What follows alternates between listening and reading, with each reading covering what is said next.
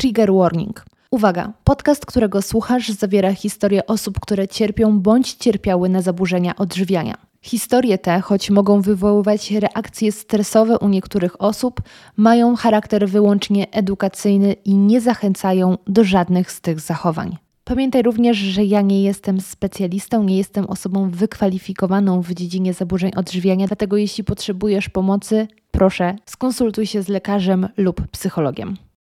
Dzień dobry, dzień dobry, moje drogie, moi drodzy, witam Was serdecznie w kolejnych zaburzonych historiach. I zanim zaproszę Was do posłuchania kolejnej historii, to chciałabym z tego miejsca serdecznie podziękować wszystkim osobom, które zdecydowały się nagrodzić i wesprzeć moją pracę za pośrednictwem Patronite oraz serwisu buycoffee.tu.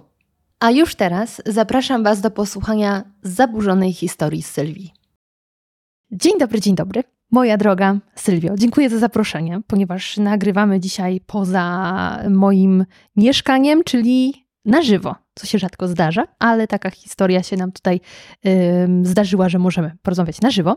Więc myślę, że bez dłuższych wstępów, z czym do mnie przychodzisz? No, ze swoją historią oczywiście. Ja też się bardzo cieszę, że mogłyśmy się spotkać na żywo, bo tak inaczej mi się zupełnie rozmawia, a też lubię widzieć, jak, i, że, i że w ogóle ktoś reaguje na to, co mówię i jak. No więc tak, a też y, nie jest mi łatwo mówić o, o tych rzeczach, bo moja historia jest długa, za długa, zdecydowanie. I rozumiem, że tak po kolei, tak? Mam opowiadać, jak to, Wiesz jak co, pamiętam. możesz mi na początku powiedzieć, jak się dzisiaj czujesz? Tak Jak po prostu ze sobą. Dzisiaj się czuję dobrze. Y, Jestem, jestem w ogóle tak z takich dużych, y, ważnych kawałków, to jestem w ciąży. Teraz chyba jutro zaczyna się ósmy miesiąc, więc to już jest dość zaawansowany etap. I czuję się w związku z tym y, wyjątkowo dobrze, bo w zasadzie nie mam żadnych dolegliwości, a też trochę chodzę do biura w związku z, między innymi z tym, że chciałabym jak najdłużej mieć kontakt z ludźmi, bo to też zawsze... Którzy potrafią składać pełne zdania. Tak, tak, o tak, to zdecydowanie, ale też tak, żeby jakoś tak zachować jak najdłużej tak, taką aktywność, bo wiem, że też później będzie taki moment, kiedy będę siedziała sama z dzidziusiem, czy też jakby zamknięta i tych wyjść będzie mniej, więc naprawdę dzisiaj się dobrze czuję. Też cieszę się, że udało nam się spotkać, bo tak się bałam, że możemy nie zdążyć też. Yy, Zgrałyśmy terminarze tak. i jesteśmy. No dobra, to powiedz mi, jakie jest takie twoje najstarsze wspomnienie związane z twoim wyglądem, z jedzeniem, z czymś, co już można powiedzieć, że jakieś tam takie zaczątki przyszłego problemu mogły być? Mm, Najstarsze wspomnienie mam y, z takiego czasu, kiedy jeszcze byłam bardzo młoda. To chyba będą czasy podstawówki. I to są jakieś takie uwagi na podwórku od koleżanek. y, takie porównywanie się, kto jest grubszy, kto jest chudszy. Jeszcze kompletnie bez kontekstu żadnego. Natomiast takie zwracanie na to uwagi. I już wtedy wiem, że miałam takie poczucie, że ja to nie jestem z tych najchudszych. Chociaż nie byłam jakaś strasznie duża, ale to, to tylko jako wspomnienie. Później pamiętam, że pewnie. Ale y, jak się porównałyście i doszłaś do takich wniosków, to było ci z tym jakoś źle, czy to było na zasadzie, okej, ludzie mają różne sylwetki? Że to jest gorzej, że ja tak nie mam jako. Że oni mają, że to jak, jakby ja odstaję w tym Mhm. niekorzystnym kierunku. Ale no mówię, no to nie jest tak, że to zajmowało jakoś strasznie dużo mojej uwagi. Tylko pamiętam, że coś takiego się zadziało i jak już później z perspektywy czasu sobie jakby przypominałam i próbowałam dojść, skąd to się w ogóle wzięło, że się całe, cała ta, ta historia rozwinęła, to w zasadzie trudno mi było znaleźć takie duże, duże powody, duże wydarzenia, które by sprawiły, że coś, y, nie wiem, że miałabym jakąś dużą przykrość z powodu tego, jak wyglądam, tylko właśnie takie małe, bzdurne, kompletnie nieznaczące i jakby one nabrały znaczenia jako suma chyba. Mhm. Pierwsze to były takie na podwórku porównywania, może, bo to też były takie czasy, w ogóle ja mam już teraz 38 lat. Tak na dobre zachorowałam, jak miałam 11, więc trochę czasu minęło, nie? I to były czasy, pamiętam, kiedy u nas e, w Polsce pojawiły się, pojawiła się telewizja satelitarna. Były, było MTV, były teledyski z dziewczynami. Ja myślę, że to gdzieś mniej więcej z tego okresu. Jakieś tam gazety dla nastolatek. To jeśli mówisz, że miałaś 11 lat, a No. to szybka matematyka, 95? 96, jak trafiłam do szpitala i tak mniej więcej 95, jak zaczęłam chorować. Tylko Mhm. jeszcze, no nie od razu to wszystko jest takie oczywiste i nie od razu widać. Trzeba było poczekać na jakieś efekty, żeby się ktoś zainteresował, bo Okej, wspomniałaś o tej popkulturze. Pamiętasz to dlatego, że właśnie już wtedy porównywała się do tych dziewczyn z teledysków? Y, ja nie, ale, bo ja w ogóle też jakby ja nie tak, nie, nie, mam, nie miałam wszystkiego. Wiem, że inni mieli. Mieli gazety, ja nie miałam. Wiem, że mieli właśnie teledyski, a to trzeba było chyba dodatkowo zapłacić. Ja tego wszystkiego nie miałam i wiedziałam, że jest takie coś, gdzie to tak jest takie pociągające i się tym moi rówieśnicy interesują, a ja nie do końca nadążam i nie bardzo, jest taki trochę już taki, takie, no też chyba porównywanie się, ale też taka tęsknota, że ja też bym chciała tam być. Mhm. I jeszcze nie wyglądam tak jak oni. I okay. ciuchów takich nie mam i no i tam cały, cały łańcuszek cały. Wiesz, no 95 to się dopiero Polska na zachód otworzyła tak, tak naprawdę. Tak. To myślę, że większość w większości rzeczy wtedy nie miała. Ale y, dobrze, już mamy spoiler z 96, więc jak do tego doszło? Yy, właśnie, jak do tego doszło? Trudno powiedzieć. Bo w ogóle taka mała dygresja, jak sobie o tym myślę, że już wtedy trafiłaś do szpitala, to było bardzo dawno temu. W sensie mam na myśli, że jak tutaj dziewczyny w podcaście opowiadały, że na przykład miały y, leczenie szpitalne y, związane z ich zaburzeniami, to mówimy dalej, 5 lat wstecz. Mhm. A tu mamy 27. Oj, 20, takie to próbowałam liczyć. 7, 6, no. zależy jak policzyć. Tak. Więc wtedy to ja myślę, że nawet ludzie nie wiedzieli o co chodzi. Nie. Ale to pewnie zaraz opowiesz, więc już oddaję głos. To było z tego, co ja pamiętam, bo y, no to już jest, to, to tego już jest tak dużo, że już i mi się też jakby wszystko zamazuje. Te świeższe rzeczy bardziej mam y, jakby na wierzchu, a te dalsze już tak same wspomnienia się na sobie nabudowują, ale pamiętam coś takiego. Na jakimś wyjeździe szkolnym, a nie, jeszcze inaczej. Ja chyba jakoś tak y, miałam taki moment, kiedy zaczęłam więcej jeść i wiem, że przytyłam. I to nie dowiedziałabym się o tym i nie zwróciłabym uwagi, gdyby nie to, że, że jakoś tak y, ktoś mnie zważył, albo rodzice, albo jakaś pielęgniarka szkolna. I wiem, że tak. bilans mógł być. Coś takiego. I wiem, że przytyłam i że to było tak zadziwiająco dużo, bo było ileś, a nagle tak w krótkim czasie skoczyło. Ja sobie tak wtedy pomyślałam, że no okej, okay, no to trzeba mniej jeść. I też zawsze rodzice mówili, nie jedz tyle słodyczy, bo będziesz taka gruba jak my, a moi rodzice zawsze byli trochę więksi. Więc tak sobie to połączyłam. No tak, no trzeba mnie jeść. Faktycznie mieli rację. Jeszcze nie na zasadzie, że czułam, że mój wygląd w jakiś sposób mi przeszkadza w czymkolwiek, ale takie się pojawiały myśli. I pamiętam, że na jakimś wyjeździe szkolnym ja y, porównywałam się do koleżanki, która obok mnie siedziała i ja miałam cały plecak kanapek od mamy, a ona nie miała nic. I tak sobie myślałam, no faktycznie, no no ja tak jakoś dużo jem i dlatego tak tyję i no chyba jednak za dużo. I postanowiłam sobie, że ja wtedy nie będę jadła, będę jadła mniej niż ona, niż ta, ta dziewczyna, z którą się akurat gdzieś tam porównywałam. Yy, I pamiętam, że na tym wyjeździe bardzo mało zjadłam, byłam strasznie głodna. To był chyba dwu- albo trzydniowy wyjazd i to właśnie było, to był już taki wyjazd szkolny na, na zakończenie. W każdym bądź razie to były takie, takie pierwsze okresy, kiedy ja trochę chodziłam głodna, trochę sobie odmawiałam i po jakimś czasie ta waga spadła. Tak też y, ja tak jakby nie, nie monitorowałam tego, ale gdzieś tam się okazało, że, yy, że ta waga spadła, chociaż yy, spodzie- nie spodziewałam się, że spadnie, o tak. Mhm. No i to mi się spodobało, bo tak mm, myślałam, o kurczę, nie, faktycznie, no sprawdza się, jeść, nie jeść, no i jest różnica. I wtedy zaczęłam celowo mniej jeść. I też mało miałam wiedzę, nie było internetu jeszcze tak rozpowszechnionego. To było coś, co się pojawiało jako takie, że, że o jest już i można mieć. Tak, więc y, na tyle, na ile wiedziałam, to miałam takie, takie has, hasłową wiedzę, że na przykład słodycze to, są, to jest coś, co, co jest złe i niezdrowe dla zębów i też właśnie, że tylko się od nich tyje, że y, jakieś takie kartofle, też mm, jakby takie hasła, nie? Tak, Albo chleb tuczy. Chleb, jeszcze, że tłuste, jakieś smażone, ale to tak bardzo miałam powierzchowną tą wiedzę, więc to, co ja jakby y, za, zastosowałam, no to mniej. I pamiętam, że zaczęłam y, jeść y, małe ilości y, na obiad. I jak się dało, to przestawałam jeść kolację.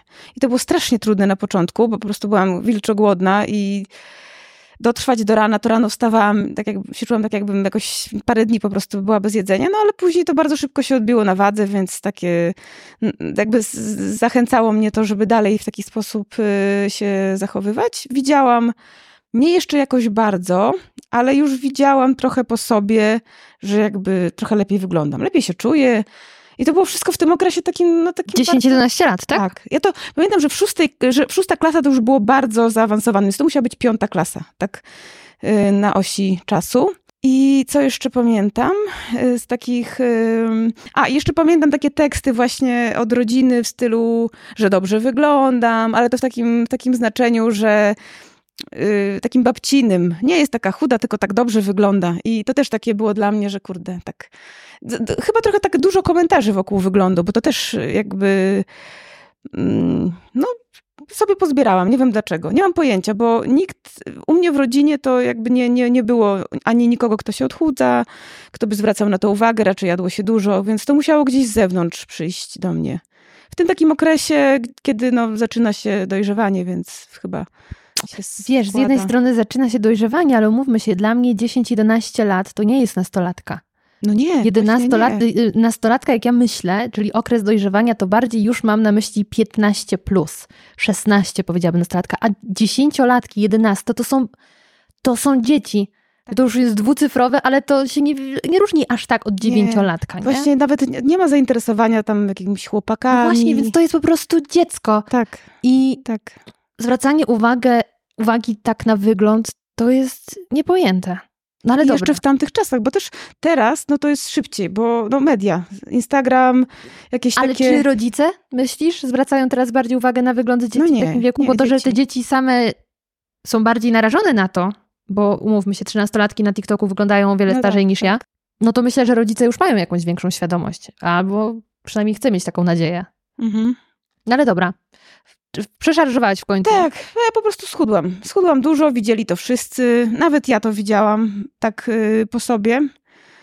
Y, z jednej strony widziałam, bo widziałam po ubraniach, po komentarzach ludzi, którzy zwracali uwagę już nawet takie osoby y, z zewnątrz, gdzieś sąsiedzi. Ja mieszkałam w bloku i jakby wtedy jeszcze to były takie czasy, kiedy tych sąsiadów się znało, bo nie było tak, takich, takich zmian, że ciągle ktoś się wprowadzał i wyprowadzał, więc taki komunikat docierał do mnie, do moich rodziców. No też rodzice widzieli, że ja mało jem, bardzo wybiórczo i zaczęło się takie powolne poszukiwanie, co się dzieje. Czyli od takich ogólnych badań, bardzo ogólnych, jak krew, jak jakieś y, pasożyty, y, jakieś pierwsze wizyty u psychologa.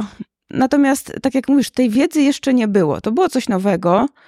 Y, Jeszcze, żeby było śmieszniej, wykryli, że mam glistę ludzką i wszystko poszło na tą glistę, bo Mhm. przecież wtedy tak jest. Byłam w szpitalu, wyleczyli mnie, już było, że okej, to już wszystko jakby zakończone, ale no nie było zakończone, po prostu wszystko kontynuowałam i chudłam dalej, więc gdzieś tam to była taka krótka radość ze strony rodziców. I jeżeli chodzi o mnie, to pierwsza w rodzinie u mnie ciocia pokazała w gazecie mojej mamie artykuł o anoreksji. To gdzieś było, że gdzieś w Stanach y, taki przypadek, jakaś kobieta strasznie schudła i że to się nazywa anoreksja, a tak poza tym to jeszcze jest bulimia do tego i to była takie pierwsze informacje. Chyba już mieli podejrzenia, że u mnie to może być coś takiego, chociaż te artykuły w takich y, gazetach są bardzo, bardzo powierzchowne i no, jakby nie, nie, nie, nie, nie raczej jako sygnał, jako hasło i nazwa.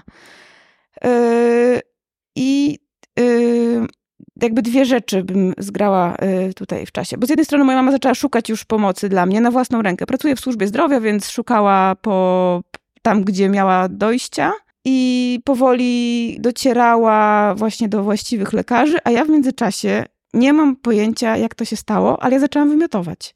Bo miałam takie momenty, że yy, Że już dawałaś upust głodowi. tak, że na przykład musiałaś- zjadłam. Mhm. I wiem, że skąd przyszło mi do głowy, że przecież ja umiem wymiotać. Przecież jak czasami się na przykład zatruliśmy czymś, to zawsze nas uczyli, mama uczyła, jak się wymiotuje. No i tak stwierdziłam, okej, to ja sobie zwymiotuję. Yy, Więc to już wtedy były takie pierwsze oznaki bulimii. One się szybko zatrzymały, ale pamiętam je i pamiętam, że czułam, że to jest coś takiego złego i dziwnego, że jakby się ktoś dowiedział, to by strasznie, że strasznie by miała przez to dużo, dużo problemów, bo moi rodzice bardzo surowi są i jakoś tak chyba mniej wstydliwe jest mimo wszystko, jak dziecko nie je, niż jak wymiotuje. Bo to takie, ale to wszystko było takie, takie jeszcze nieznane i nowe, że chyba znakomita większość mojej rodziny do tej pory się jakby, znaczy teraz to już może wiedzą, ale długo nie wiedziała, co się ze mną dzieje. Po prostu, że coś tam jestem chora. Ale żeby to tak nazwać, dokładnie to nie. A w międzyczasie właśnie y, ja schudłam, tak się zastanawiam, ile. Yy, znaczy na tyle dużo, że już funk- miałam ym, takie objawy z poziomu ciała. Czyli miałam y, zawroty głowy, miałam y, arytmię, spowolnione tętno, Yy, bardzo niskie ciśnienie, no problemy na problemach. Yy, bardzo taka byłam też wycofana, kompletnie się yy, wycofałam z życia społecznego, nie miałam znajomych, było mi wiecznie zimno, niezależnie od pogody. Na przykład leżeliśmy gdzieś tam na kocu, było bardzo gorąco, wszyscy rozebrani, ja na ubierana, po prostu mi było cały czas zimno, więc to już był taki, taki moment, jak gdzieś tam zleciałam poniżej, miałam niedowagę, natomiast jakby dla mnie to już był tak trudny czas, jeżeli chodzi o funkcjonowanie, że mm, z jednej strony nie czułam żadnej radości, z drugiej strony też trochę czułam takie, mm, takie zagubienie, bo ja nie wiedziałam, co się dzieje. Wiedziałam, że coś się dzieje, ale kompletnie nie wiedziałam, co. Moje ulubione słowo z języka polskiego marazm. Marazm. Tak. Moim zdaniem marazm najlepiej opisuje to, co przynajmniej ja, yy, co się działo w mojej głowie, jak wspominam tamte czasy, czyli takie poczucie bezsensu, taka bezsilność, że mm, już powiedzmy pewnie u ciebie na dalszym etapie, kiedy stwierdziłaś, dobra, ja chcę z tego główna wyjść, mhm. ale nie wiem jak, bo z jednej strony chcę, ale trochę nie do końca, bo jednak nie jem dalej więcej, udaję tylko, że jem więcej, żeby wrócić do zdrowia i niby chcę wrócić, ale też nie do końca.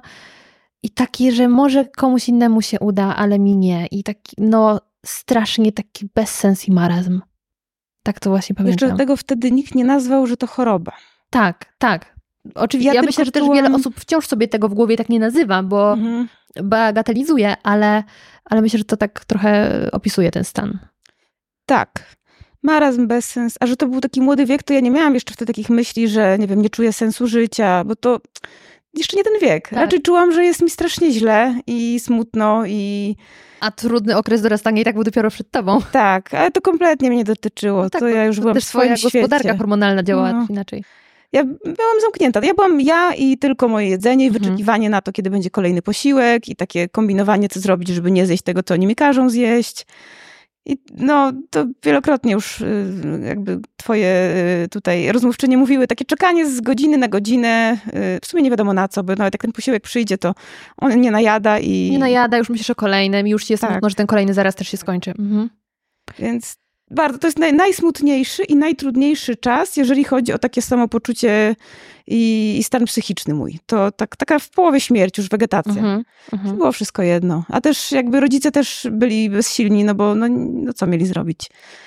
Jakby to się trochę nawet jakby objawiało w ten sposób, że no nie mogli mi wcisnąć tego jedzenia, to, czasami je na głowę wylewali, żeby sobie w jakiś sposób... Ulżyć, upust no. emocjom, no, no. no.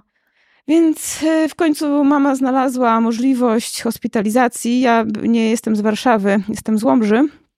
E, I tutaj w Warszawie był taki szpital, on cały czas jest e, na Litewskiej, gdzie był taki zespół lekarzy. To jest, to się nazywa szpital kliniczny, którzy uczyli się, jak leczyć coś takiego i na oddziale stworzyli osobny, dedykowany zespół do właśnie zaburzeń odżywiania i ja trafiłam tutaj do grona osób y, w podobnej sytuacji. Tam bywało różne, różnie liczebnie to było od kilku do kilkunastu osób właśnie zazwyczaj z anoreksją. W takim dużym stanie wycieńczenia już, mocno wychudzonych. Takimi prekursorkami byłyście, nie? Y, chyba takie pierwsze osoby leczone. Tak, mhm. Tak, w taki sposób y, jakby oni oszukali, jak, jak to robić, bo trochę jakby na zachodzie już to chyba szybciej weszło i trochę też y, y, było jakichś wniosków pierwszych, ale wydaje mi się, że nie było jeszcze do końca tak super takiego wypracowanego podejścia. Więc to było, ja tak teraz to. Ja mam wrażenie, że dzisiaj no. nawet nie ma tak do końca dopracowanego, bo umówmy się, to jest tak trudne w leczeniu, że u każdego trochę to inaczej wygląda i co innego tak. działa na różnych ludzi. Więc to i tak jest moim zdaniem taka główna praca, którą samemu trzeba przejść.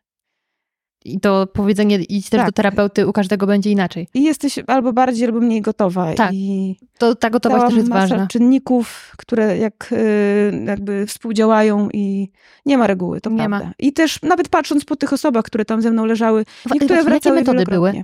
Jak to wyglądało? Czy to wyglądało podobnie do tego, co dzisiaj już dziewczyny opowiadają? Dużo jest podobnych mhm. rzeczy y, i ponieważ to, był, to było na NFZ, to było państwowe, więc Y, mnie to tak dużo nie kosztowało, bo prywatnie no, to się płaci za każdą dobę i jest to koszt pewnie nie do przeskoczenia wtedy dla moich rodziców. Wyglądało to tak, że y, leczenie było, można by to nazwać takie behawioralne, czyli system kar i nagród za to, jak się ktoś sprawuje. I na początku, jak przyjmowali taką osobę do szpitala, to mm, robili taki dogłębny dogłębne sprawdzenie stanu zdrowia, czyli patrzyli, jakie są już konsekwencje tej choroby, właśnie wtedy mi powykrywali różne takie rzeczy e, a propos tego serca, gdzie, gdzie ja już nawet chyba mam jakiś w ogóle płyn w sercu, więc to było takie, ja tego nie czułam, mnie to nic, ani tego nie, nie bolało mnie to, natomiast no to już na wynikach wychodziło i to trochę też przekonało moich rodziców, że naprawdę jest źle ze mną, że to nie jest jakiś tam sobie nie jem, tylko chyba coś się dzieje i chyba to jest nawet groźne. I nie, nie, jakby straszeniem nie, niewiele tutaj e, skurają jak już mniej więcej taka osoba została zaklasyfikowana, no to też od tego, w jakim była stanie, zależało, w którym momencie jakby tej, tej, tej, tej terapii została dołączana. Przede wszystkim to, jak ktoś był niedożywiony, no to było dokarmianie, czyli była dieta taka z dużą ilością kalorii i jak ktoś nie chciał jeść, no to było karmienie przez rurkę, mniej bądź bardziej drastyczne, czyli przez sądy.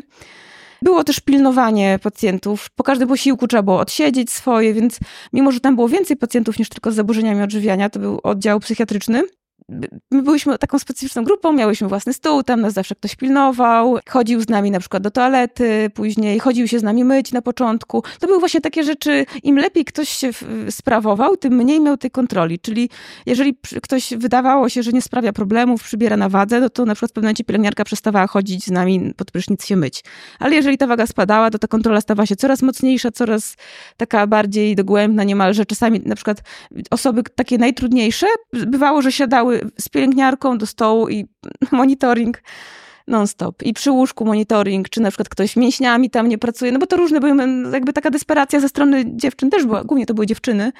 Chyba tylko jeden chłopak na przestrzeni tego czasu y, tam się przywinął, co ja byłam. Więc z jednej strony właśnie taki system kar i nagród. Jak było dobrze, to się dostawało kolejne przywileje, czyli można było zadzwonić do rodziców, jeszcze nie było wtedy tak, tak, tak wielu komórek, więc to mhm. był taki telefon na, na ścianie, na Ale oddziale. z tego, co mhm. opowiadasz, to chyba niewiele się zmieniło. Tak, tak. Bo nie mam żadnych doświadczeń, ale tak jak właśnie już dziewczyny tutaj się dzieliły tak. historiami, no. to faktycznie niewiele się te metody zmieniły. Tak. No i jakie były efekty? Ja to, y, jakie były efekty? Bo to, to jest jakby ta ze strony mhm. takiego ciała, to jeszcze powiem, że właśnie to jest jedna, a druga rzecz to było opieka terapeutyczna. I to na przykład wspominam bardzo dobrze, bo tego było dużo i oni y, nas y, jakby niemalże non-stop były jakieś zajęcia, bo oprócz tego, że to był wiek szkolny, więc dbali o to, żeby chociaż trochę tych lekcji było i przychodzili nauczyciele od głównych przedmiotów, to reszta czasu była zapełniona terapią. I to była terapia indywidualna, grupowa, był psycholog, taki też indywidualny, jakieś zajęcia relaksacyjne, więc tego było bardzo dużo. Rodzinna też była, na przykład rodzina przyjeżdżała. I to mi się bardzo podobało, bo ja miałam takie poczucie, że wreszcie ktoś mnie słucha, ktoś ze mną rozmawia, kogoś interesuje, ktoś nazwał, co się ze mną dzieje, wie o tym i wie, co robi, bo ja miałam takie poczucie, że ja już kompletnie nie ogarniam. To coś po prostu się zadziało. Ale ta strona takiego karmienia i takiego, takiej, takiej tresury, ja bym powiedziała, była słaba. Dlatego, że w momencie, gdy głowa nie była gotowa na to, żeby jednak z własnej woli jeść, no to się szukało, co zrobić, żeby ich przechytrzyć. Plus też tak y, mnie się wydaje, i chyba już o tym mówiłam w którymś z odcinków, że znowu jedzenie staje się kartą przetargową, że tak, jest tak duży ten tak. bagaż emocjonalny, bo jeśli jedzenie, to jak obchodzisz się z jedzeniem, podlega nagrodom i karom, to nie jest neutralny bagaż emocjonalny, a do tego dążymy, żeby jedzenie było dla nas obojętne. A to jest taki bardzo trudny kawałek w przypadku te, tego tak. zaburzenia. I, że... I, później możesz tego jedzenia albo jeszcze bardziej nienawidzić, jak kojarzy ci się z tym, że na przykład odbierano ci kontakt z rodzicami mhm. e, i sobie na przykład nie pozwalać na to, tak, tak, tak wyobrażam to sobie, albo jeszcze bardziej traktować jako nagrodę, no. No, słabo. I to, czego nie uczą, i to do tej pory jakby mm, mam tak, takie, chodzi, chodzi za mną, w sensie oni nie uczą, jak właściwie jeść, bo jeżeli ktoś y, pochodzi, tak jak ja, z rodziny z otyłością i te porcje zawsze są duże, nie są takie, takie właściwe, to po wyjściu ze szpitala nadal taka osoba tego nie wie. Nie wie, ile I to może jest. iść w skrajności. Tak. I ja na przykład, jak, bo ja tam spędziłam 8 miesięcy, Ciągiem? wróciłam do domu, tak, bez wychodzenia. I moi rodzice oczekiwali, że ja wyjdę zdrowa i po prostu będę jeść tak jak oni. Naprawiona oni, będziesz. Tak, i, a oni, przy czym oni nie jedli właściwie, więc ani mnie nie mogli nauczyć, ani nie. To ja miałam takie poczucie, że pod kątem jakby pod, od strony jedzenia to była porażka, bo ja wyszłam z bulimią już w tym momencie, bo się więcej dowiedziałam w szpitalu. Przyszłam do szpitala Zielona, przez 8 miesięcy przeszłam intensywny kurs.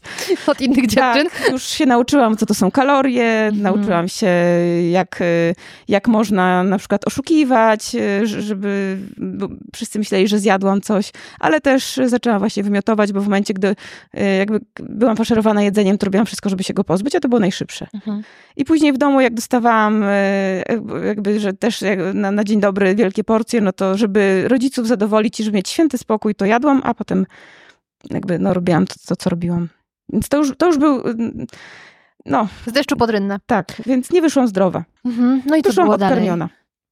No i potem był kolejny trudny czas, bo yy, po tym mo można powiedzieć, że zaczęłam od anoreksji, a potem została mi bulimia, bo ja wtedy już nie byłam pod żadną opieką i żyłam sobie z tą bulimią. Ona yy, coraz bardziej zagarniała moje życie i mój czas. Nie mam pojęcia, jakby dlaczego tak to się złożyło, bo nie, nie wróciłam, z jednej strony nie wróciłam do życia, do, do znajomych, nie, nie odżyło to wszystko, co umarło.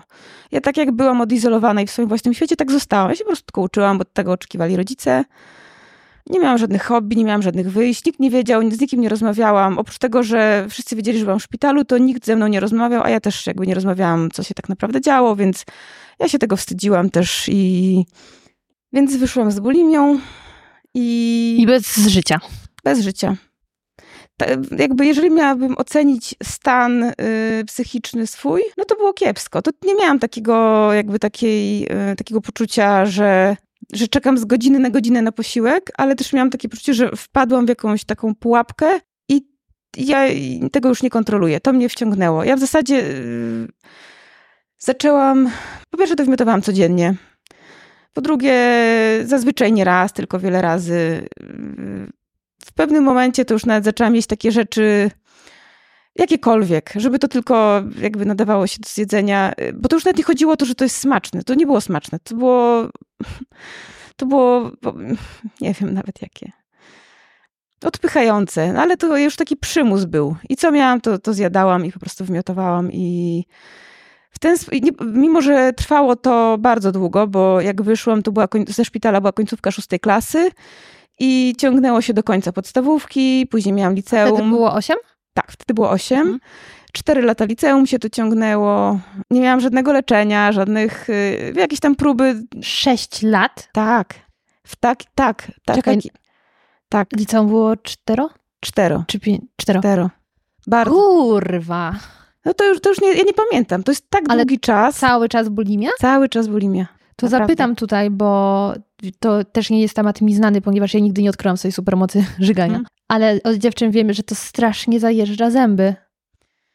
Zajeżdża, natomiast... Znaczy nie tylko, bo to w ogóle też tak. krtań i, i wszystko, ale... Tak, na początku takie miałam poczucie, że to jest takie mocno, mocno niszczące, ale chyba mój organizm się po prostu do tego przyzwyczaił. A poza tym to jedzenie, to ono, to nie jest tak jakby, ono wchodziło i wychodziło, mhm. wchodziło i wychodziło. Ono tam nawet nie miało czasu zadziałać, a też w pewnym momencie to po prostu ja już nawet nie musiałam wywoływać jakby wymiotów, one, one same, ja już mhm. miałam wymiotować i to tak jakby bez, bez pomagania sobie, bo to był automat. Mhm. I nawet jak były takie momenty, że ja próbowałam na przykład przestać jeść mniej, to trudno mi było cokolwiek utrzymać w żołądku bo miałam tak, że, że się z tym źle czułam. Ja po prostu miałam nie mieć nic mhm. i wtedy było dobrze. I wydaje mi się, że mam silny organizm, to jest jedno, bo na dobrą sprawę nie mam takich rzeczy, które by się wtedy jakby zadziały i nie wróciły. Yy, mimo, że miałam takie momenty, że na przykład przyjeżdżała po mnie karetka, bo zemdlałam, albo zdrętwiałam cała w szkole na korytarzu i też nie mogłam się ruszyć i się okazało, że spadły elektrolity, trzeba było mnie zawieźć do szpitala, wstrzyknąć tam potas, magnes i jeszcze coś tam. Miałam krwawienia też, więc to takie, to było już no, skrajne. Natomiast nie wiem, czy to jest takie trochę. Ja też jakby nie mówiłam rodzicom. Oni wiedzieli, co się dzieje, ale nie rozmawiali ze mną nigdy ani o anoreksji, ani o bulimii, ani w ogóle jak ja się czuję, ani. Tylko takie to było problematyczne, wstydliwe i najlepiej to, żeby nikt nie wiedział. I mhm. miałam takie poczucie, że im szybciej się mnie pozbędą z domu, tym lepiej, bo trochę będą mieli spokoju, bo to też się mocno odbijało oczywiście na życiu rodzinnym, na ich stanie zdrowia e, w dużej mierze. No i takiej bezsilności, no bo mm. nic nie mogli zrobić. Tak. Um, Jakichś takich przełomowych rzeczy się, y, przełomowe rzeczy się nie wydarzyły w tym czasie. Nie, Czyli nie. możemy to tak podsumować jako bezsensowne 6 lat Tak, i ja takie miałam samym. poczucie, że to już po prostu tak zostanie, że, Mhm. że to się nie zmieni, bo to trwa tyle, ja już w zasadzie już nie pamiętam, jak to jest normalnie, Mhm. bo mam już tyle lat, że to trwa połowę mojego życia, Tak. Więc no i też taka samotność duża, ja jakby cały czas byłam z tym sama, ani z rówieśnikami, ani z rodzicami, a lekarzy już też nie miałam. To, co tak mi mocno pomogło w szpitalu, że ja miałam dużo rozmów i takich nakierowanych na, na słuchanie i też jakby z ludźmi, którzy nie, którzy pracowali z zaburzeniami odżywiania, więc y, oni y, też nie byli, to nie był dla nich nowy temat. To, to był, ja wtedy odżyłam i miałam takie poczucie, że, że widzę, że jest lepiej i nawet miałam takie poczucie, że kurczę, ja byłam chora, bo już teraz widzę, że byłam chora, w sensie tak z tą Mhm. to potem tył, w tył zwrot i zostało to drugie. Mhm. To jaki był następny punkt tej historii, gdzie może nastąpił jakiś przełom? Mhm. Skończyłam liceum, nie mam pojęcia jak, bo było też tak, że jak y, czułam się źle, to nie byłam w stanie chodzić do szkoły. Dostałam się na studia i z jednej strony zrobiłam coś wbrew moim rodzicom, bo oni mieli na mnie inne plany. Miały być inne studia, gdzie indziej, a ja sobie poszłam nie tak jak oni chcieli, tylko do, poszłam do Torunia, na, y, akurat wtedy na filologię polską. I myślałam, że trochę coś ruszy, bo przestałam wymiotować, no ale no, wskoczyłam w, w anoreksję bo inaczej nie umiałam, więc yy, ja tych studiów nie skończyłam. W zasadzie to tam po chyba po półtora miesiąca musiałam przerwać, bo nie byłam w stanie funkcjonować, bo po prostu tak schudłam, że, że było źle. Yy, przerwałam te studia, wróciłam do domu, a też yy, to też tak pod kątem rodziny. To był kolejny wstyd, no bo nie dość, że tak ani tutaj z tym jedzeniem, z tym szpitalem nie wiadomo jak, to nawet studiów nie jestem w stanie skończyć. Więc to była taka kolejna porażka, gdzie oni się jakby musieli tłumaczyć. Mój ojciec zrobił taki ruch, że kupił mi mieszkanie w Warszawie i powiedział, że to jest dla mnie. On już swoje zrobił, dziękuję. Out, nie? I ja mam się wyprowadzić. No ja się wyprowadziłam. I to był jakoś tak przed grudniem mniej więcej, bo zaczęłam te studia we wrześniu, y, później właśnie tam trochę pochodziłam, przerwałam. Gdzieś To jest tak jakiś więcej- taki początek 2000, tak? Taka, takie okolice 8 roku, 2008? y, Tak na osi czasu? Trzeba by to policzyć. Y, Jak miałam, tak, szósta, Koło siódma, 20 lat musiałaś e, mieć. Tak, tak, coś koło 20 lat. Tak, to było wtedy, to nawet można sobie dodać, 2004, Okej. trzeci, czwarty, coś Mhm. w ten deseń. Ja tu przyjechałam właśnie do Warszawy. Kurczę, to zupełnie inne miasto O było, rany, nie? tak. Miałam takie poczucie, że to jest... ym, No, znaczy tak, z jednej strony bardzo szybko udało mi się w tej Warszawie nauczyć poruszać, bo małe miasto versus duże, trochę inne zasady i nawet sam dojazd to było wyzwanie, bo ja musiałam się parę razy na przykład przesiąść, co w Łomży mogłam przejść piechotą całe Tak, miasto, nie? albo jakimś jednym PKS-em, ale y, było już metro? Bo metro się w którym otworzyło? Było kilka przystanków, tak. Było metro i to raczej tak się go używało, bo był krótki odcinek. Raczej zobaczyć, jak, jak to jest jechać metrem. Aha. Tak, to taka atrakcja była bardziej, bo niewielu osobom to pomagało jeszcze gdziekolwiek dojechać de facto, bo to było kilka Tak, tak, stacji. tak. Ale tak było, to były Inne miasta, no. I tutaj z jednej strony byłam sama zdziwiona i chyba też rodzice byli zdziwieni, że ja sobie tak tutaj ogarniam logistycznie, że Mhm. dojadę, wiem co i jak. No ale no też nie miałam tu znajomych, byłam tu sama, więc byłam bardzo samotna, pamiętam wtedy. Ale tylko dopytam, dojadę, że tak powiem, dokąd dojeżdżałaś? Mhm. Y, zaczęłaś pracę, czy zaczęłaś nowe studia? Ponieważ przerwałam, a to było w trakcie roku akademickiego, to ja sobie wymyśliłam coś takiego, że ja y, będę chodzić jako wolny słuchacz, to mi ktoś musiał podpowiedzieć, bo można było, jakby nikt nie limitował wejść na wykłady, na, na ćwiczenia nawet. Mhm. Chodziłam sobie po prostu jako wolny słuchacz, słuchałam na ten, jakby w to miejsce, gdzie za rok chciałam spróbować się dostać i to było takie, żeby wyjść z domu, iść do ludzi, nie zgłupieć totalnie, a też wiem, że zgłosiłam się do Centrum Wolontariatu i tam szukałam też czegoś takiego, żebym ja mogła pomagać, co by mi dawało poczucie, że coś sensownego robię, Mhm, bo takie chodzenie, sensu. słuchanie to jest okej, ale no tak dużo sensu też nie miałam poczucia, że, że to, to takie wypełnianie czasu bardziej Mhm. było, bo też nie miałam pewności w ogóle, jak to będzie za rok. Miałam wtedy bardzo mało pieniędzy, naprawdę tak jechałam na, na, na głodowej, że tak powiem, stawce, bo mama mi coś tam przysyłała. Yy, No ale jakoś tam sobie radziłam, więc yy, to pamiętam właśnie z, że bardzo miałam, że miałam wyliczone tam dziennie ileś, tyle i nie więcej, po prostu więcej nie będzie. A jeszcze też mi przyszedł do głowy taki pomysł, ja sobie odgrzebałam moją lekarkę gdzieś, wynalazłam tą, która mnie w szpitalu prowadziła. Ja się z nią skontaktowałam i ona mi trochę pomogła, bo ona się ze mną spotykała, rozmawiała ze mną i pomogła mi ułożyć dietę. I pamiętam, ja wtedy zaczęłam jeść regularnie, sensownie i trochę yy, jakby przestałam wymiotować. Więc uspokoiły się tak, takie objawy widoczne i takie najbardziej przeszkadzające w funkcjonowaniu. Mhm. Czyli w głowie nadal byłam bardziej bliżej anoreksji niż bulimii, bo tak naprawdę cały czas gdzieś tam starałam się ograniczać, ile tylko się da, ale też udało mi się z tej bulimii wyjść. Mhm. I to był taki czas, kiedy zaskoczyło się, dostałam na studia i potem jakoś już, już poszło w miarę dobrze. Czyli to już był taki mniej więcej rok w Warszawie. Tak, to było po roku w Warszawie, zaczęłam mieć tu znajomych.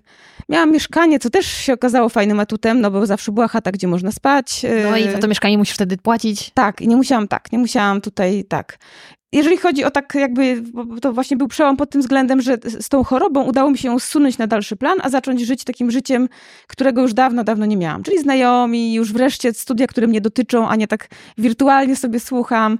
Jakieś pierwsze sukcesy też zaliczeniowe, co też inaczej wyglądają studia, a inaczej liceum. Miałam chłopaka jakiegoś pierwszego, dużo takich, no też Warszawa jako duże miasto oferuje mnóstwo, więc zaczęłam chodzić na różne wydarzenia. Miałam takie poczucie, że odżyłam. I to był dobry czas i miałam też właśnie przerwę taką w zaburzeniach odżywiania na kilka lat. I też jakby nawet ten rok taki jako wolny słuchacz dał mi przewagę, bo ja już trochę umiałam, a ludzie przyjechali i się dopiero uczyli, więc zawsze było tak, że jakby co to ja zawsze pomogę, zawsze ja wiem, więc mi to dało dużo, dużo poczucia wartości. Tak coś, czego nie miałam kompletnie, nie? Wtedy. Więc, więc to był dobry czas. No i później też tak było, ale ja cały czas jakby miałam takie poczucie, że gdzieś tam z tyłu są y, niedokończone sprawy, że one mniej bądź bardziej, ale jakby mogą się odezwać i co prawda nie miałam poczucia, że ja muszę jakby coś dokończyć, ale miałam takie, że, że ja nie, nie, nie wyszłam z tego. Natomiast nie muszę o tym mówić, tego nie widać i to nie wpływa na moje funkcjonowanie. Mhm. Ale że, że, że, temat niezakończony i może wrócić i będą kłopoty. Tak. I to się na przykład, nie wiem, to jak troszeczkę się zmieniał wygląd, determinowało jak się czuję. Jak przytyłam, no to gorzej, zaraz się zaczyna panika, zaraz się zaczynało kombinowanie, co tu zrobić. Więc dużo było uwagi wokół tego, ale nie aż tak, żeby jakby to było na pierwszym planie. Jak się trochę zaczęło, znaczy trochę mi się zaczęło psuć w związku i to się też skoro od razu jakby za tym poszło, odezwały się zaburzenia odżywiania, więc zaczęły mi wracać, no głównie to chyba objawy bulimii. To było zawsze na zmianę, ale głównie bulimia. Dopóki nie zerwałam z tym chłopakiem, my byliśmy bardzo długo razem, yy, to też miałam takie poczucie, że jakby nie, nie, nie no, że trzeba było coś zmienić. Ja skończyłam wtedy studia, my się rozstaliśmy. Yy, przez jakiś czas tam się trochę stabilizowało, znowu jakby wróciłam do równowagi. I tak naprawdę yy, miałam takie poczucie, bo musiałam odchorować ten związek, no bo długo byliśmy, więc też trochę czasu było na to potrzeba. Yy, był taki moment, że zaczęłam nową pracę. To jest praca, w której do tej pory jestem, z przerwami i w której zaczęłam się bardzo dobrze czuć. Yy, na zasadzie poczułam się wreszcie doceniona. Miałam takie poczucie, że ludzie pokroju moich rodziców, którzy kompletnie mnie nie znają, są ludźmi obcymi, bardzo mnie doceniają, dają mi duży kredyt zaufania. Dostałam obowiązki, na które kompletnie nie byłam przygotowana, ale z takim założeniem przecież się nauczysz.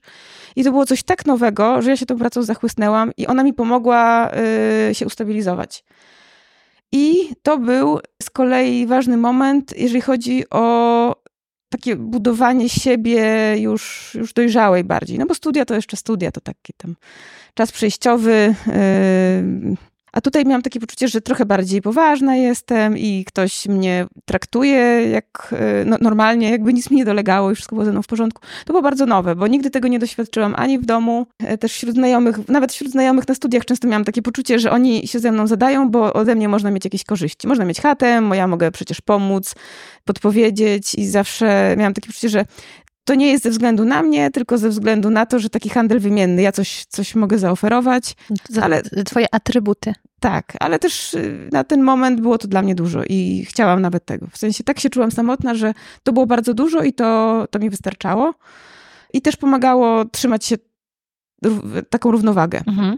Więc w pracy wreszcie poczułam się doceniona i miałam takie, zaczęłam mieć takie poczucie, że ja naprawdę jestem normalna, tak jak wszyscy i mogę, i mogę się nauczyć dłużej albo krócej, ale to jakoś tak się da zrobić. No i kiedy demony wyszły? Kiedy demony Za wyszły? zakrętu. Znowu. Poznałam teraz obecnego mojego męża. Oboje byliśmy bardzo zakochani. Zdecydowaliśmy, że chcemy razem spędzić resztę życia i że chcemy poszaleć, skorzystać. Mamy trochę odłożonych pieniędzy. Ja już też byłam zmęczona, bo ja trochę jakby przesadziłam z ilością godzin pracy, więc yy, pracowałam po 12 na przykład dziennie, więc już miałam dość tej pracy i też byłam gotowa coś zmienić. Zdecydowaliśmy, że pojedziemy razem dookoła świata, że to będzie taka nasza podróż, żeby tam sobie weźmiemy ślub gdzieś tam na świecie, że zobaczymy te wszystkie miejsca. Jeszcze były takie czasy, gdzie były tanie loty. Były tanie loty w Europie, tanie linie. Czyli po prostu czasy przed pandemią. Tak, tak. Można dramat. było za bardzo małe pieniądze polecieć na drugi koniec świata, Mhm. jeszcze wrócić.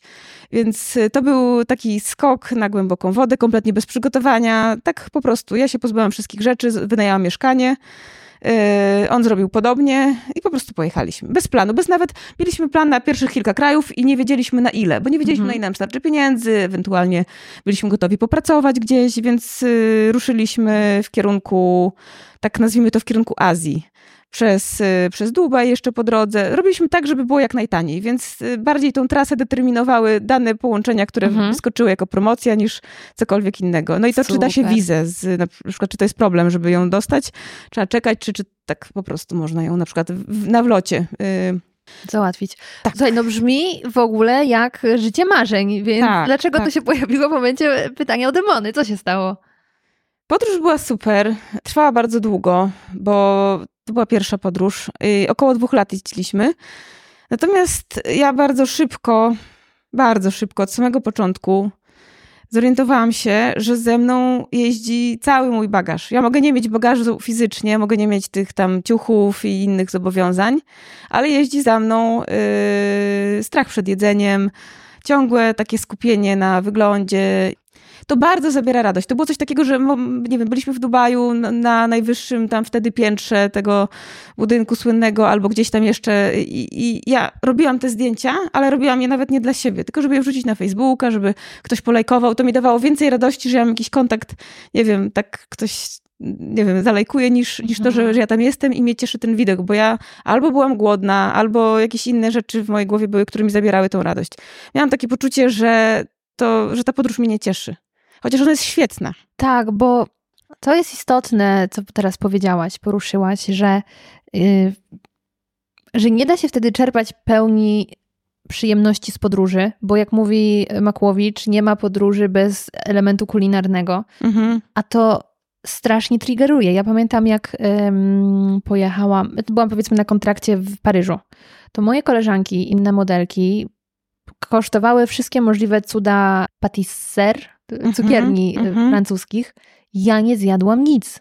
Mhm. I ani razu nie byłam w francuskiej knajpie, nie zjadłam nic tradycyjnego. Jadłam tylko wszystko, co było jak najmniej kaloryczne i co mogę sobie sama przygotować. I podobnie było, jak pojechałam do Hongkongu. Ja nie zjadłam nic poza zupą wątą tradycyjnego. Raz kupiłam jakieś takie wypieki z mm, nadzieniem z czerwonej fasoli, ale to tylko tak odrobinkę zjadłam, żeby przypadkiem to mnie nie utuczyło. To odbiera absolutnie radość. Tak, nie ma ciebie tu i teraz. Ja, nawet nie było tak, że ja na przykład y, patrzyłam na te rzeczy, one są takie smaczne, ja ich nie mogę zjeść. Ja po prostu byłam głodna. Mhm. I, Tak, i chodzisz, bo w podróży się też Mhm. dużo chodzi, żeby zwiedzać, podziwiać.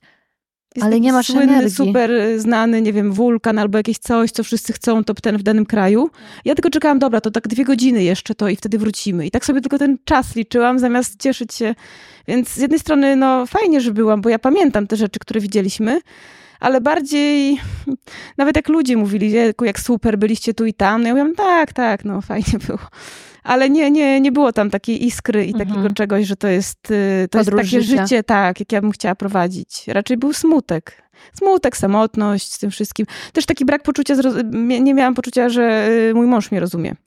Bo on bardzo szybko, zorientowałam się, że jakby on nie, nie rozumie i raczej się złości, że przecież jesteś w takim świetnym miejscu, cię tu przywiozłem, nie ma takiej rzeczy, które można ci zrobić, żebyś ty była szczęśliwa. Więc ja po prostu przestałam o tym mówić. Mhm. Tak sobie sama to przeżywałam w środku. Mieliłaś. Tak. Mhm.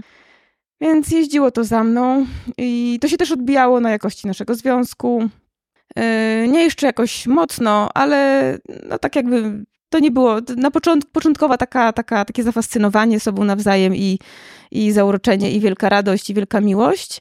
Stała się taką smutną miłością, mhm. bo ja ciągle byłam gdzie indziej, miałam takie poczucie. On się cieszył, ja tak przy nim udawałam, że jest okej, okay, ale w środku nie było dobrze. Więc nawet tak czułam, że kwestia czasu, kiedy to się rozleci, kiedy, kiedy mi to wszystko wróci, bo jakby się trzymałam.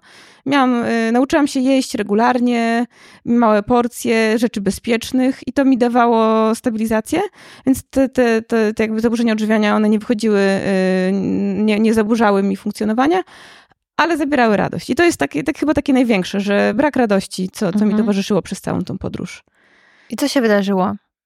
Mm, wróciliśmy do kraju, yy, zaczęliśmy, znaczy jeszcze tak wróciliśmy trochę funkcjonalnie, bo mieliśmy ochotę, bo nie, nie zwiedziliśmy wszystkich krajów. Byliśmy w iluś tam krajach w Azji, yy, przejechaliśmy przez yy, Australię, przez Nową Zelandię, przez Kanadę, wróciliśmy do kraju. E, pozałatwialiśmy trochę spraw, zarobiliśmy trochę pieniędzy i dalej mieliśmy poczucie, że nie bardzo wiemy, co dalej z sobą robić, bo tak było, tak nie wiadomo jak. I pojechaliśmy w kolejną podróż, bo z kolei bardzo chcieliśmy jeszcze zobaczyć Stany. Załatwiliśmy sobie wizę, bo wtedy jeszcze trzeba było wizę. Pojechaliśmy w drugą podróż, w drugą stronę też dookoła świata. No ja już tak jakby coraz bardziej zaawansowana, coraz bardziej smutna. Coraz bardziej to było takie już na siłę, bo już byliśmy też tymi podróżami zmęczeni, jednak ciągle podróżowaliśmy z plecakiem, więc takie poczucie braku stałego miejsca, braku. Ja na przykład miałam wrażenie, że kompletnie przestałam się czuć jak kobieta, bo ja się przestałam ubierać jak kobieta. Miałam mhm. wrażenie, że ciągle jest. Ciągle tak, wygodne tylko. Tak, żeby, żeby to było funkcjonalne, a nie w jakiś sposób estetyczny i tak jakby. To jednak wpływało na, na nastrój mhm. też, że, że miałam przecież, że to, to nie jest takie życie, jakie bym chciała prowadzić, a nie miałam pomysłu na żadne inne życie. I między nami też się w sumie zaczęło rozlatywać.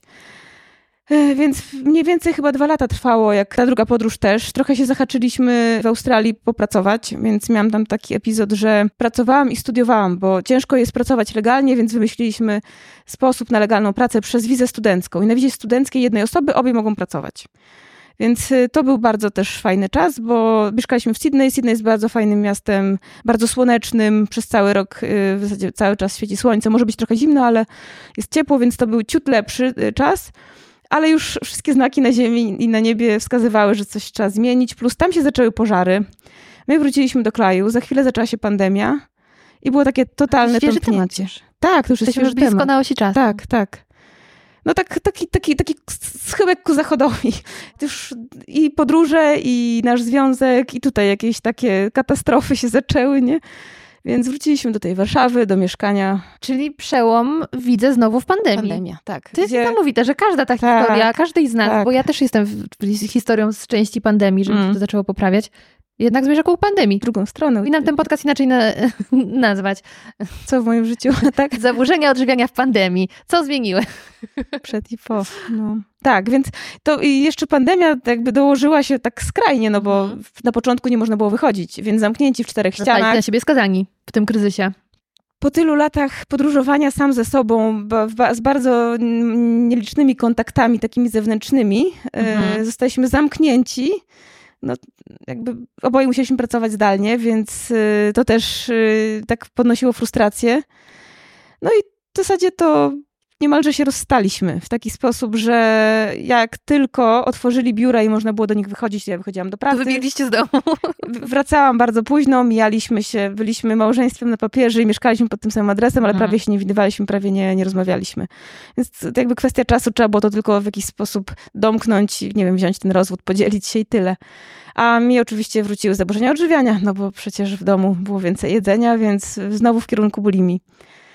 Ale też z takich rzeczy, ja już też czułam, że tak, że po pierwsze dobrze, że wracam, bo trochę się lepiej umiem poruszać jednak w Polsce.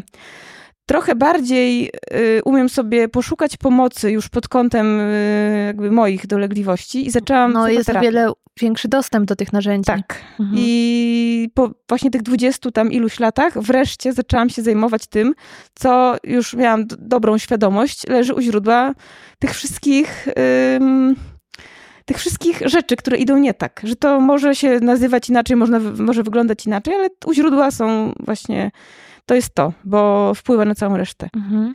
Można się oszukiwać i, i, próbować ciemniać, natomiast jakby i nie da się od tego uciec. To wszędzie pojedzie, na koniec świata też. Na księżyc Sprawdziłaś. ciało, tak. na koniec Tak, świata. tak. Więc dotarło do mnie, ja, chociaż nie, naprawdę to było odkrycie. Ja sobie z tego nie zdawałam sprawy. To odkryłam jakby tak nagle, że kurde, no chyba o to chodzi, no bo co innego. No i jak ta terapia? Dalej w niej jesteś? Czy już zakończyłeś? Jestem, tak. trochę trwało, zanim sobie znalazłam właściwą osobę, bo też nie wiedziałam, że, że tak można. Znaczy, trochę tak myślałam, że to się idzie i nie wiem, już. czy taki lekarz, czy inny, no to grypę wyleczy. Tak. Przepiszę, co trzeba i już. Zanim zrozumiałam, jakby, że mogę wybierać, że to jest okej okay i, i, i, trzeba poszukać sobie właściwego nurtu. Nie wiedziałam, terapia to terapia, mhm. koniec, nie? Więc znalazłam sobie, teraz jest jakby względnie stabilnie, bo po pierwsze mam takie poczucie, że jestem pod opieką, że ktoś się mną opiekuje, że ktoś mnie prowadzi, że mam taki stałe punkty wsparcia. Wróciłam też ciekawe do tej samej pracy, bo to jest korporacja, więc zawsze jakieś miejsce jest, takie czy inne. A... Ładną strefę wypoczynkową w budynku, więc ja się nie dziwię. Tak. Zajęcia z jogi. Tak. E, no i też jakby ceni się osoby, które trochę umieją, bo jednak poruszanie się po korporacji jest skomplikowane, więc zawsze fajnie mieć kogoś wdrożonego, tak, bo tak, połowa tak, drogi tak. za nim. Więc tutaj miałam wsparcie w pracy, trochę kompetencje podbudowałam, a też jakby trochę odpoczęliśmy od siebie z mężem i faktycznie już tak jakby zdecydowaliśmy się na rozwód. Natomiast jeszcze gdzieś ja sobie zaplanowałam na przykład studia, że sobie kolejne zrobię. Już miałam taki plan, co zrobić, żeby się nie załamać totalnie i nie popaść w tę rozpacz. Natomiast on zaproponował, że może jeszcze byśmy spróbowali, bo jednak szkoda tych wszystkich lat, ich było dużo i wspomnień mamy dużo i oboje tacy jesteśmy pogubieni. Trochę Gdziekolwiek sobie... wyjedziecie za granicę, będziecie myśleli o sobie, bo pewnie już tam byliście kiedyś. Tak, będzie przypominało, tak. On sobie też trochę przemyślał, ja sobie przemyślałam i jakby pomyśleliśmy, że czymś takim, czego nigdy nie, jakby nie, nie mieliśmy szansy zrealizować i, i wprowadzić w życie, no to jest taka próba założenia sta stabilnej rodziny, czyli mieszkać w jednym miejscu, a nie ciągle jeździć, pomyśleć właśnie o dziecku. No i może jakoś się dogadać, może przeformułować, trochę sobie powytłumaczać z taką otwartością, bo też do niego dotarło z kolei, że to nie są jakieś tam moje... Zła wola. Tak, i też takie moje wymówki, bo on trochę traktował, że kiedyś tam byłam chora i ja teraz wszystko tłumaczę tym, że ja kiedyś 20 lat temu to byłam chora i to jest taki, taki, hmm. takie wytłumaczenie na wszystko. Zrozumiał, że to się po prostu ciągnie. Mhm i możemy albo się pożegnać, albo spróbować to naprawić, że może jeszcze spróbujemy, więc mhm. jakby jest taki okres stabilizacji, ja to nazwałam, dość długo trwa, więc to jest fajne. A powiedz, jak się y, czujesz ze sobą w ciąży? Miałaś jakieś kryzysy? Bardzo też się bałam. trudne. Bardzo się tego obawiałam, jak to będzie. Raz, że pod kątem, znaczy też miałam, nie, nie miałam zbyt wielu koleżanek, które mi opowiadały, jak to jest. Y, miałam doświadczenia, że ludzie tyją wtedy i ja nie wiem, jak sobie poradzę z tym. Mhm. Znaczy, cieszy mnie to, bo to też tak nie tyje się z niczego. Tyje się wtedy, kiedy się dużo je. W momencie, gdy ja miałam, bo miałam też w pewnym momencie dietetyka, miałam tą dietę ustabilizowaną, no to to ciało się zachowało tak, jak powinno. W sensie, z jednej strony czułam się, cieszyłam się, że to dziecko rośnie i ja mu nie daję za mało, a z drugiej strony po prostu ja rosnę tam, gdzie trzeba, czyli rośnie mi brzuch. I, mhm. i, tyle. Ale zdecydowałaś nie? się na współpracę z dietetykiem właśnie z, ze względu na taką troskę o swoje zdrowie psychiczne i komfort? Tak, i to było też, y, jak zaczęłam terapię, to, to jest takie podejście kompleksowe. W sensie terapeuta wysłał mnie do lekarza, żeby potwierdzić po pierwsze jakieś tam swoje spostrzeżenia, mhm. czyli żeby też jakiś psychiatra się wypowiedział i trafiłam, y, bo, znaczy trafiłam, no wybrałam y, lekarkę w mm, ośrodku zaburzeń odżywiania, a dwa też dostałam jakby taką sugestię, że może skoro ja mam też ciągle wątpliwości i, i jakby nie do końca nie czujesz się aż tak stabilnie. To ktoś mhm. mi może po, podpowiedzieć, jak, to, jak, jak do tego podejść. Więc z jednej strony taki, takie wsparcie już eksperta, a też takie poczucie, że okej, okay, no ileś tam osób faktycznie jako zespół y, mnie wspiera i mogę, mogę popytać. Mhm. I ja się zaczęłam czuć bezpiecznie. I też miałam poczucie, że ja się sobą wreszcie zajmuję, że już niezależnie co tam będzie ze mną i z mężem, co tam sobie inni myślą, nie mam wyjścia, po prostu albo się wezmę za siebie, no albo to się będzie ciągnąć jeszcze kolejnych tam 20 lat, jak nie mhm. więcej. A i tak już wiele życia poświęciłaś. No bardzo dużo, no, tak, chyba większość, nie? Mhm. jakby nie patrzeć. No. Droga Sylwio, Myślę, że powoli możemy chyba podsumowywać, chyba że jakieś mm -hmm. punkciki nie, na twojej nie, tak się zastanawiam, ale nie. mapie jeszcze masz. Nie, no właśnie takie, z takich rzeczy kluczowych, no to widzę, że, że pandemia się u ludzi mm powtarza. To jest ciekawe. Y, dużo daje wsparcie rodziny. Jak ja słucham opowieści, jak y, dziewczyny mają właśnie wsparcie w rodzinie albo w partnerze, to widzę, że to jest coś, czego ja nie miałam i ponieważ y, jakby takim uczuciem towarzyszącym mi non-stop to jest wstyd i takie poczucie, że że to, z czym się mierzysz, nie jest ważne po prostu, a to jest bardzo ważne. To jest takie, nie wiem, takie, takie strasznie niskie dla wyglądu, dla... Są ważne rzeczy. To nie jest dla wyglądu.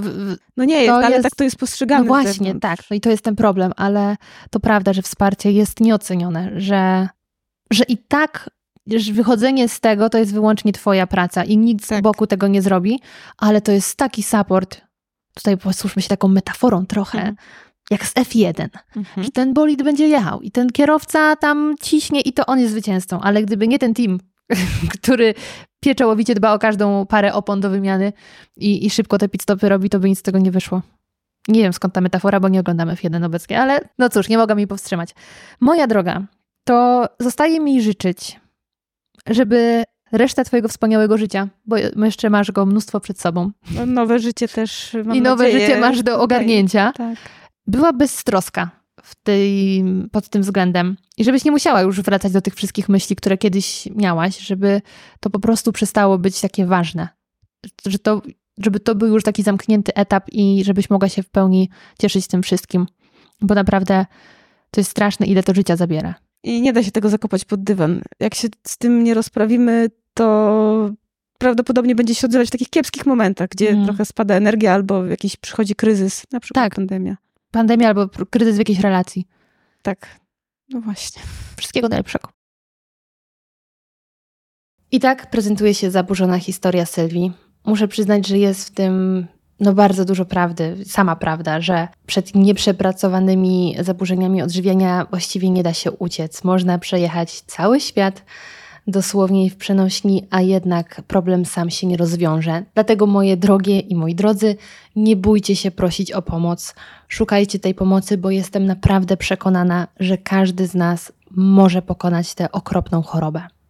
Zaburzone historie to podcast, który jest taką moją misją, aby z jednej strony budować świadomość na temat e, zaburzeń odżywiania, a z drugiej strony wspierać osoby, które się z nimi mierzą, bo wiem, jak trudne to jest i jak bardzo ma się wrażenie, że jest się z tym problemem samemu, a tak nie jest. Ze względu na to, że nie są to treści z żadnej strony atrakcyjne dla reklamodawców czy osób, które chciałyby mi pomóc dalej realizować ten podcast i wesprzeć finansowo, Również na YouTubie nie mogę liczyć na monetyzację, reklamy są wyłączone, ponieważ to również nie jest odpowiednie dla reklamodawców, a jest to zadanie czasochłonne. Więc jeśli chcielibyście docenić pracę, którą wkładam w przygotowanie tego podcastu, a także przyczynić się do tego, aby podcast dalej powstawał, to zachęcam Was do odwiedzenia strony patronite.pl ukośnik zmacznego, gdzie możecie zostać stałymi patronami podcastu i moich działań, lub możecie jednorazowo